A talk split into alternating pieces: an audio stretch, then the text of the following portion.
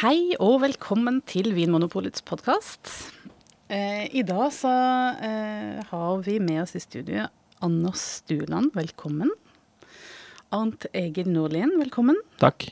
Og jeg heter Anne Engrav. Dette er på en måte en slags eh, oppfølger til en eh, podkastepisode vi har spilt inn tidligere som handler om årganger. Og da snakker vi litt mer generelt om årganger og kom inn på dette med hvor lett er det å smake årgangsforskjeller i vin. Og så Arnt Egil, har du vært så sporty at du stiller opp her og blindsmaker sammen med oss? Ja, jeg håper vinene oppfører seg. ja. Vi skal gjøre vårt beste for å oppføre oss i hvert fall. Og en annen ting vi skal bruke deg til, er også å få en, en gjennomgang av de fire aktuelle årgangene ja. eh, i forkant. Sånn at vi skal prøve å liksom, se om vi kan kjenne det igjen i, i vinene. Ja, kart og terreng, stemmer det. Mm. Eh, for det som er oppgaven, er at det er én produsent og én eh, vinmark mm. som eh, er aktuell. Og det er fra regionen Rheingau i Tyskland. Men det er fire ulike årganger. Så i prinsippet så er det bare årgangen som er forskjellig her. Årgangen det gjelder er 2011, 2012, 2013 og 2014. Så hvis vi kan ta en sånn liten gjennomgang først, eh, Ant Egil, med hva er det som kjennetegner de liksom årgangene strukturelt. Mm. Og da må jeg notere. Ja, det må jeg gjøre, for dette eh, har ikke jeg sånn top of the mind. Da begynner vi med 2011, mm -hmm. for å ta litt av egenskapene i vinen. 2011 er en uh, årgang med ganske rik frukt. Den ble veldig preget av uh, at uh, det var veldig varmt under innhøstningen. Spesielt faktisk varme netter. Jeg husker jeg var i Tyskland under denne innhøstningen også, og satt ute på natterstid i T-skjorte og shorts. Svettet over et glass Riesling. Og, og svettet. Med eller uten et glass Riesling, så var det, var det faktisk altfor varmt. Og det ga en eh, ganske klar karakter med en ganske mild uh, syre. Uh, frukten kan være ganske flott i elve, men de er ganske milde og runde og snille, snille av seg, rett og slett. Det er, det er et ofte ganske tydelig karaktertrekk på 2011-årgangen. Mm. Sånn, nettopp. En sånn solbrun liten Tysker. Tysker. kanskje, kanskje, vil jeg faktisk eh, si at eh, årgangen er preget av eh, en mildhet i struktur og syre mer enn at den er så veldig, veldig høy modning. Ah. Okay. Eh, så det er mer en eh, ganske vennlig, eh, vennlig snill årgang, mer enn at, at, det er veldig høy modning på frukten. Mm. Vennlig okay. tysker. Mm. Det er interessant, den Vennlig, jeg noterer det. Den kombinasjonen der. Mm. 2012, eh, neste årgang, er jo en, eh, regnet for å være en veldig god årgang i, i Tyskland. En årgang som eh, ga ganske god modning, men ofte veldig klar og veldig fin frukt. ja Ganske strukturerte viner, uten at de er sånn spesielt syrlige av seg. ofte en årgang som mange holder høyt, og som de tror kommer til å lagre veldig godt. Mm. har ikke helt sett den lagrings at det har på en måte utviklet seg sånn helt uh, ennå, men, uh, men, mange tror at 2012 kommer til å komme. Nettopp. En litt livlig tysker med god diksjon? Iallfall en veldig klarhet, ja. En ja. tydelig diksjon. Ja. ja. Og, og, flott frukt, veldig ofte uten noe særlig råte. Ja. ja. Hmm. Men her sier du også at heller ikke så veldig høye syrenivåer, men Riesling generelt ligger jo ganske høyt oppe på skalaen. Det er klart. Så det, er, er jo en del syre her i utgangspunktet. Det, det er det. det er du, du, vil aldri mangle noe syre i, i Riesling, Nei. tysk Riesling stort sett. Så, så, så, vi, så, vi, er jo der oppover. Men det, det er en vin som i teorien skal virke litt slankere og litt livligere enn en Elve? Eh, Eller? Det er en vin som virker litt, livlig, litt livligere, kanskje litt eh, penere frukt og ganske høy kons. Ja. Hmm. Dette er det, sånn skulle vi gjort hver eneste blindsmaking. Jeg har hatt en sånn uh, gjennomgang og så prøvd å matche. Ja, vi, vi, bør, vi, bør, ha litt flere sånne som dette her. Ja. Så er vi på 2013. 2013, det var en krevende årgang. Eh, både 2013 og 2014 var to, to krevende årganger. 2013 eh, nok aller vanskeligst av de to. Eh, og også en årgang som eh, gjorde at vinmakeren var nødt til å ta noen ganske vanskelige valg. Og vinmakere valgte litt forskjellig. Eh, her kom råtepresset og eh, veldig tidlig. Eh, før eh, druene var veldig modne. Og eh, det fortsatte med dårlig vær. Det fortsatte med regn og mye fuktighet under innhøstningen, så, så det var tegn til panikk. Eh, Her måtte man velge, eh, og det ble valgt både det ene og det andre. Enten så høstet man tidlig, fikk litt høyere kvantitet. Veldig høy syrlighet, som kanskje ikke alltid er så veldig moden. Eller så var det de som valgte å vente ganske lenge og, og få veldig lav kvantitet, eh, men eh, høyere modning. Okay, så her Og kanskje ikke så ren frukt heller. Mm. Så utfallet her er en vin preget av litt sånn undermoden frukt, høy syrlighet, eller en litt høyere modning, men litt mer sånn jordlig, jordlighet eh, Ja. i frukten. Så det er en årgang som er litt vanskeligere å ta, for hvis du ikke vet eh, hva produsenten gjorde, Mm. som vi ikke vet her. Nei, det vet vi ikke. Nei. Akkurat litt panikk, altså. En litt eh, stresset en tysker. Under råtepress. Men vi kan vel si at generelt så er 2013 ganske syrlig årgang. Det Ja. er det. Og så er det 14, da, som også var en krevende år. Ja, det var eh, en ikke fullt så krevende årgang som 2013, men det var en, eh, en, en årgang på den, eh, på den eh, slanke siden. Og uten sånn veldig høy modning. Eh, Og også her dette året så blei det eh, vanskelig eh, og krevende under innhøstningen med en del, en del fuktighet og en del råtepress. Men generelt sett så ser vi at produsentene nok har kommet bedre ut av det i 2014 enn i 2013. Og 2014 er eh, ofte mer unison i karakteren. Eh, litt undermoden, ganske frisk, litt lette viner. Ikke alltid den klareste, peneste frukten. Det varierer lite grann. Mm. Men allikevel eh, noe litt sånn flottere, eh, sånn som jeg tolker det, enn en 13. 13 er litt mer ekstrem, kanskje, i eh, alle retninger. Akkurat. Eh, det virker som det er eh, to eh, ganske gode årganger, eh, og to litt mer problematiske Jeg vil nok si at 2012 er en, er en stor årgang. Det er en bra årgang i Tyskland. Ja. Eh, Det holdes og regnes som det. Ja. Eh, 2011 er en årgang som nok ikke ble ansett som så være, så, være så veldig interessant å begynne med. Jeg syns mange 2011 har utviklet seg ganske pent. Det, det, er, det er nok ikke den jeg ville lagret lengst. Eh, Hadde jeg hatt mye 2011, så ville jeg nok faktisk begynt å drikke de ganske mye av de nå. Ja, Men, men, eh, men Ja. det er en ganske vennlig, og det, det, det er ikke en årgang å, som man misliker, egentlig. Det er lett å like. Ja. Det er det. Eh, Jeg har faktisk hatt en god del gode viner fra 2013, men 2013 er, eh, er litt vanskelig. Eh, Det er litt krevende. Du får litt alle typer kvaliteter. Det samme 2014 òg. Veldig mange tror at 2014 kommer til å utvikle seg ganske pent. Eh, Av og til har jeg noen veldig gode 2014, og av og til har jeg noen eh, som jeg ikke helt skjønner heller. Så, så jeg må si at eh, 2014 er jeg litt usikker på hvor det kommer til å utvikle seg. Men f- 14, det er, du tenker at eh, den har da en sånn fruktighet som går mer mot undermodne, som har litt mer å gå på og, Ja. over det lange løp? Det, det har den, Den går Mm. litt mot undermodne. Ja. Det gjør den Så, det, så når vi smaker den nå, så skal den teorien Det skal være en vin som ikke har kommet så langt Mm. I, i utvikling. Ja. Mm. Og det er jo også den, Det er også den yngste. Mm. Det er også den yngste. All right. Ok.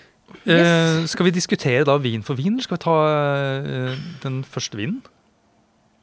Vi må vel begynne med det. Ja. Vin nummer én i glasset. Glass nummer én. Ja, da kan jeg, vet du, jeg, kan, jeg kan hive meg utpå eh, og, bare, og si noen Ja, og la meg bare uh, uh, for ordens skyld si det at ingen av oss vet uh, Det er ikke vi som har skjenka disse vinene. For å Nei. sånn. Nei, det er Niklas. Det er Niklas. Takk. Grei, greie Niklas Greie som Niklas. har eh, skjenket. Jeg fortalte dessverre ikke hva det var. da. Nei, det er litt ugreit. litt slemt. Ok, eh, i glass nummer én. Vi har jo da samme vin i samme glass, da. Mm. Det syns jeg er en vin som jeg får kjenne mye sånn moden frukt. Og noe litt sånn krydder som går i retning av safran. Og uh, aprikos og honning og nesten noe litt sånn soppaktig. Og i munnen så syns jeg den har noe sånn avsluttet med noe sånn smørkaramell i avslutningen. Og den har også en litt sånn fedme i, i, i munnfølelsen. Så ja. Så skal jeg si mer. Ja. Er jeg helt på trynet? Skal jeg uh, Ja, være nestemann? Ja. Jeg syns den første vinen eh, helt klart eh, er en ganske rund og snill eh, vin. Eh, du nevner litt smørkaramell. Jeg syns strukturen her er ganske, ganske rund og behagelig. Eh, det er en vin som viser en god del modning nå. Eh, det, det, det gjør den absolutt. Ja. Eh, og eh, de to egenskapene drar meg eh, Ja, men- men- er vel de men- som på en måte gjør at jeg konkluderer. Ja, ok. ja, greit. Eh, Jeg er jo eh, veldig på linje med dere. Moden og frukt. Ikke den Altså, det er høy syre her, men den er ikke sånn eh, påtrengende eh, frisk. Jeg var veldig opptatt når jeg, har smakt gjennom disse vinene raskt på forhånd, gjort oss våre egne notater. Jeg var opptatt av syrenivået, at jeg tenkte det kan være noe å legge merke til. Ikke voldsomt høy.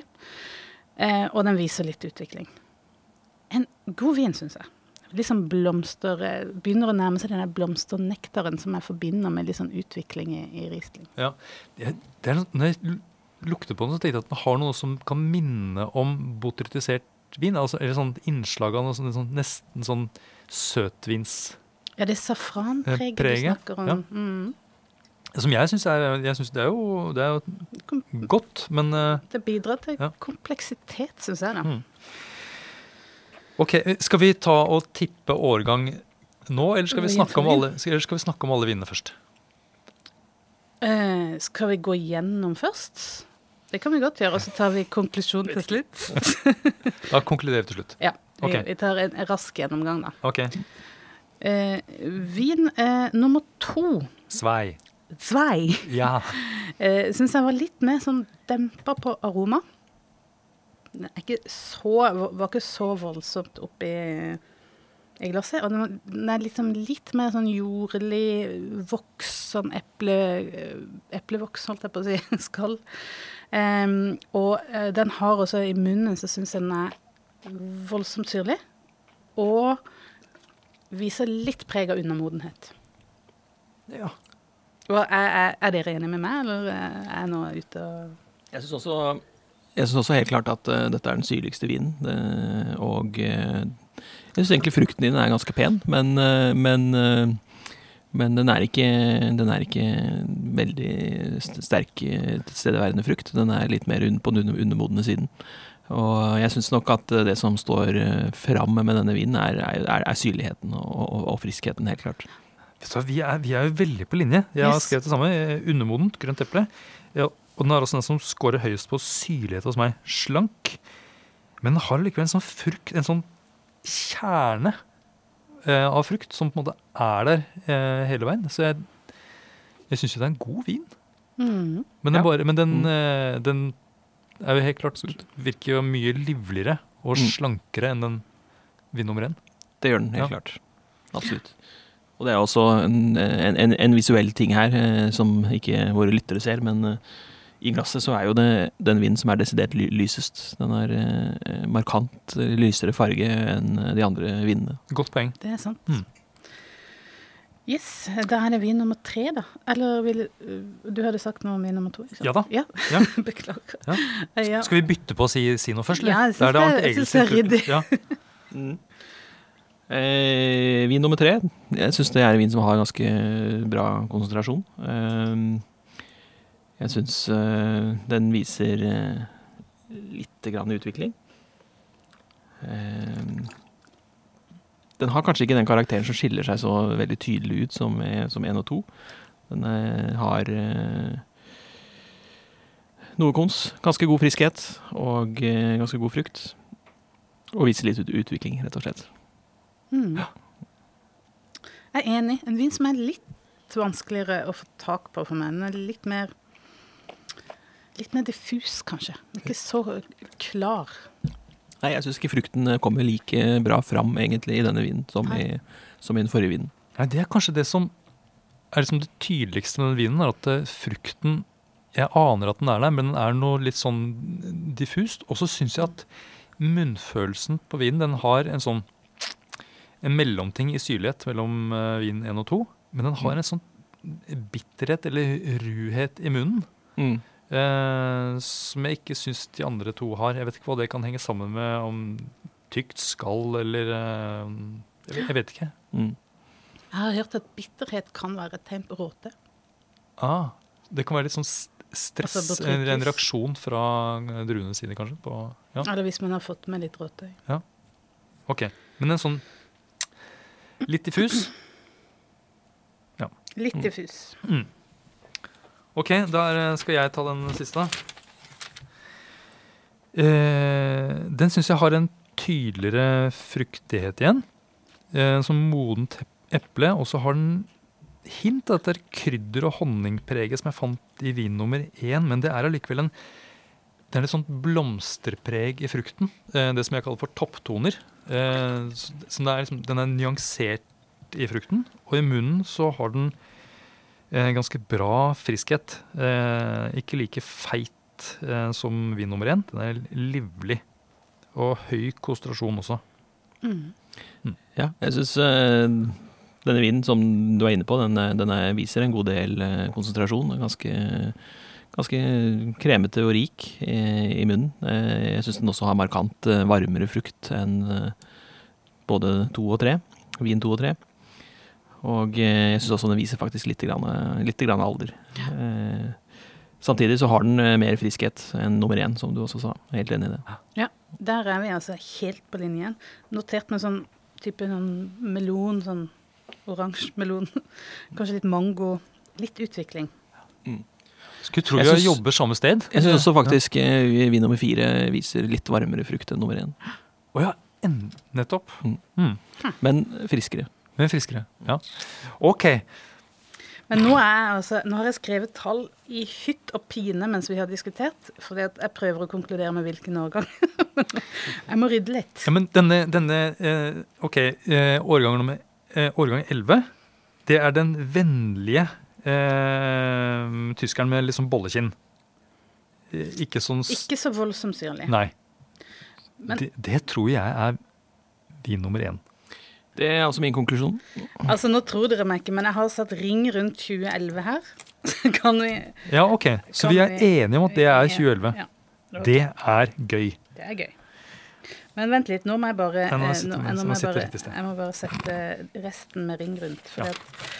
Eh, Vi sitter her med blokk. Eh, eller altså Anne og jeg sitter med blokk. Eh, Art Egil, du er litt mer proff. Du sitter med en bærbar en PC. Eh, og så vi var jo enige om at den eh, De mest undermodne årgangene var jo eh, potensielt 2013 og 2014. Ja. Nettopp. Men den der litt sånn diffuse, litt jordlige frukten Mm. som vi fant i nummer tre, eh, det gjør at jeg tenker at det er at det kan være 13, og det gjør at jeg tenker at toeren kan være 14. Jeg tror, jeg Ja. tror vin nummer to, det tror jeg er 14. Og, eh, og vin nummer Vin nummer to blir 2014, det er jeg enig i, eh, fordi den var Den var dempa, men den hadde noe undermodent, og den var på en måte Ja, høy syre, da. Men ja, 2014 er vin nummer to. Ja, og noe Art Egil ser veldig lur ut her. Ja, jeg, jeg, jeg er ikke veldig uenig i dere. Jeg må innrømme at eh, på vin nummer to og tre så har jeg faktisk gått litt fram og tilbake. Ja. Mm. Eh, vært litt, eh, litt sånn usikker. Eh, vin nummer to er jo den lyseste. Eh, det er den syrligste. Eh, det at den er den syrligste kan jo hinte mot 2013. Eh, samtidig så, så har den helt klart mye 2014-karakter òg. Eh, for, å, for å komme med en twist her, da, så kanskje jeg skal si at eh, vin 2 er 2013 og vin 3 er 2014.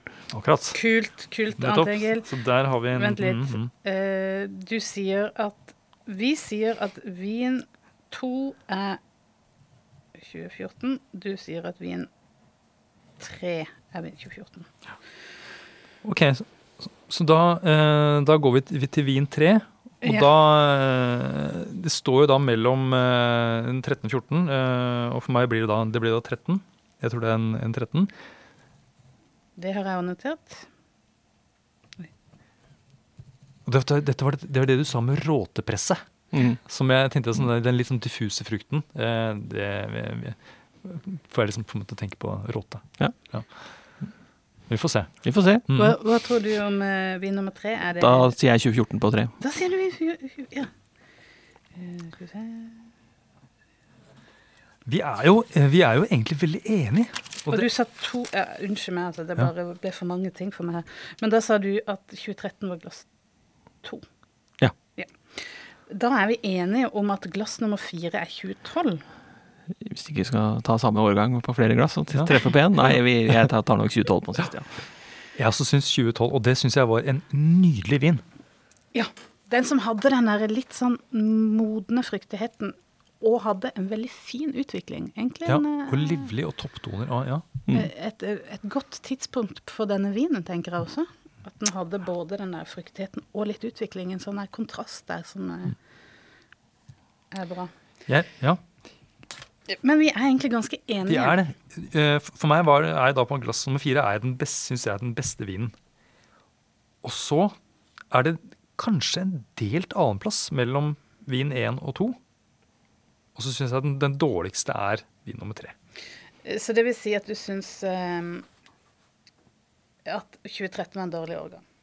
Krevende, som vi sier. Krevende. Det er en krevende årgang. Hvis det er 13, da. Ja, nei, nå, nå konkluderer vi. Nå er vi litt okay. sånn eh. Vi har altså da en eh, Niklas har skrevet opp eh, fasiten på en lapp som henger på veggen her. Arnt Egil tar den nå ned, and the winner is Skal vi se Oh, ja.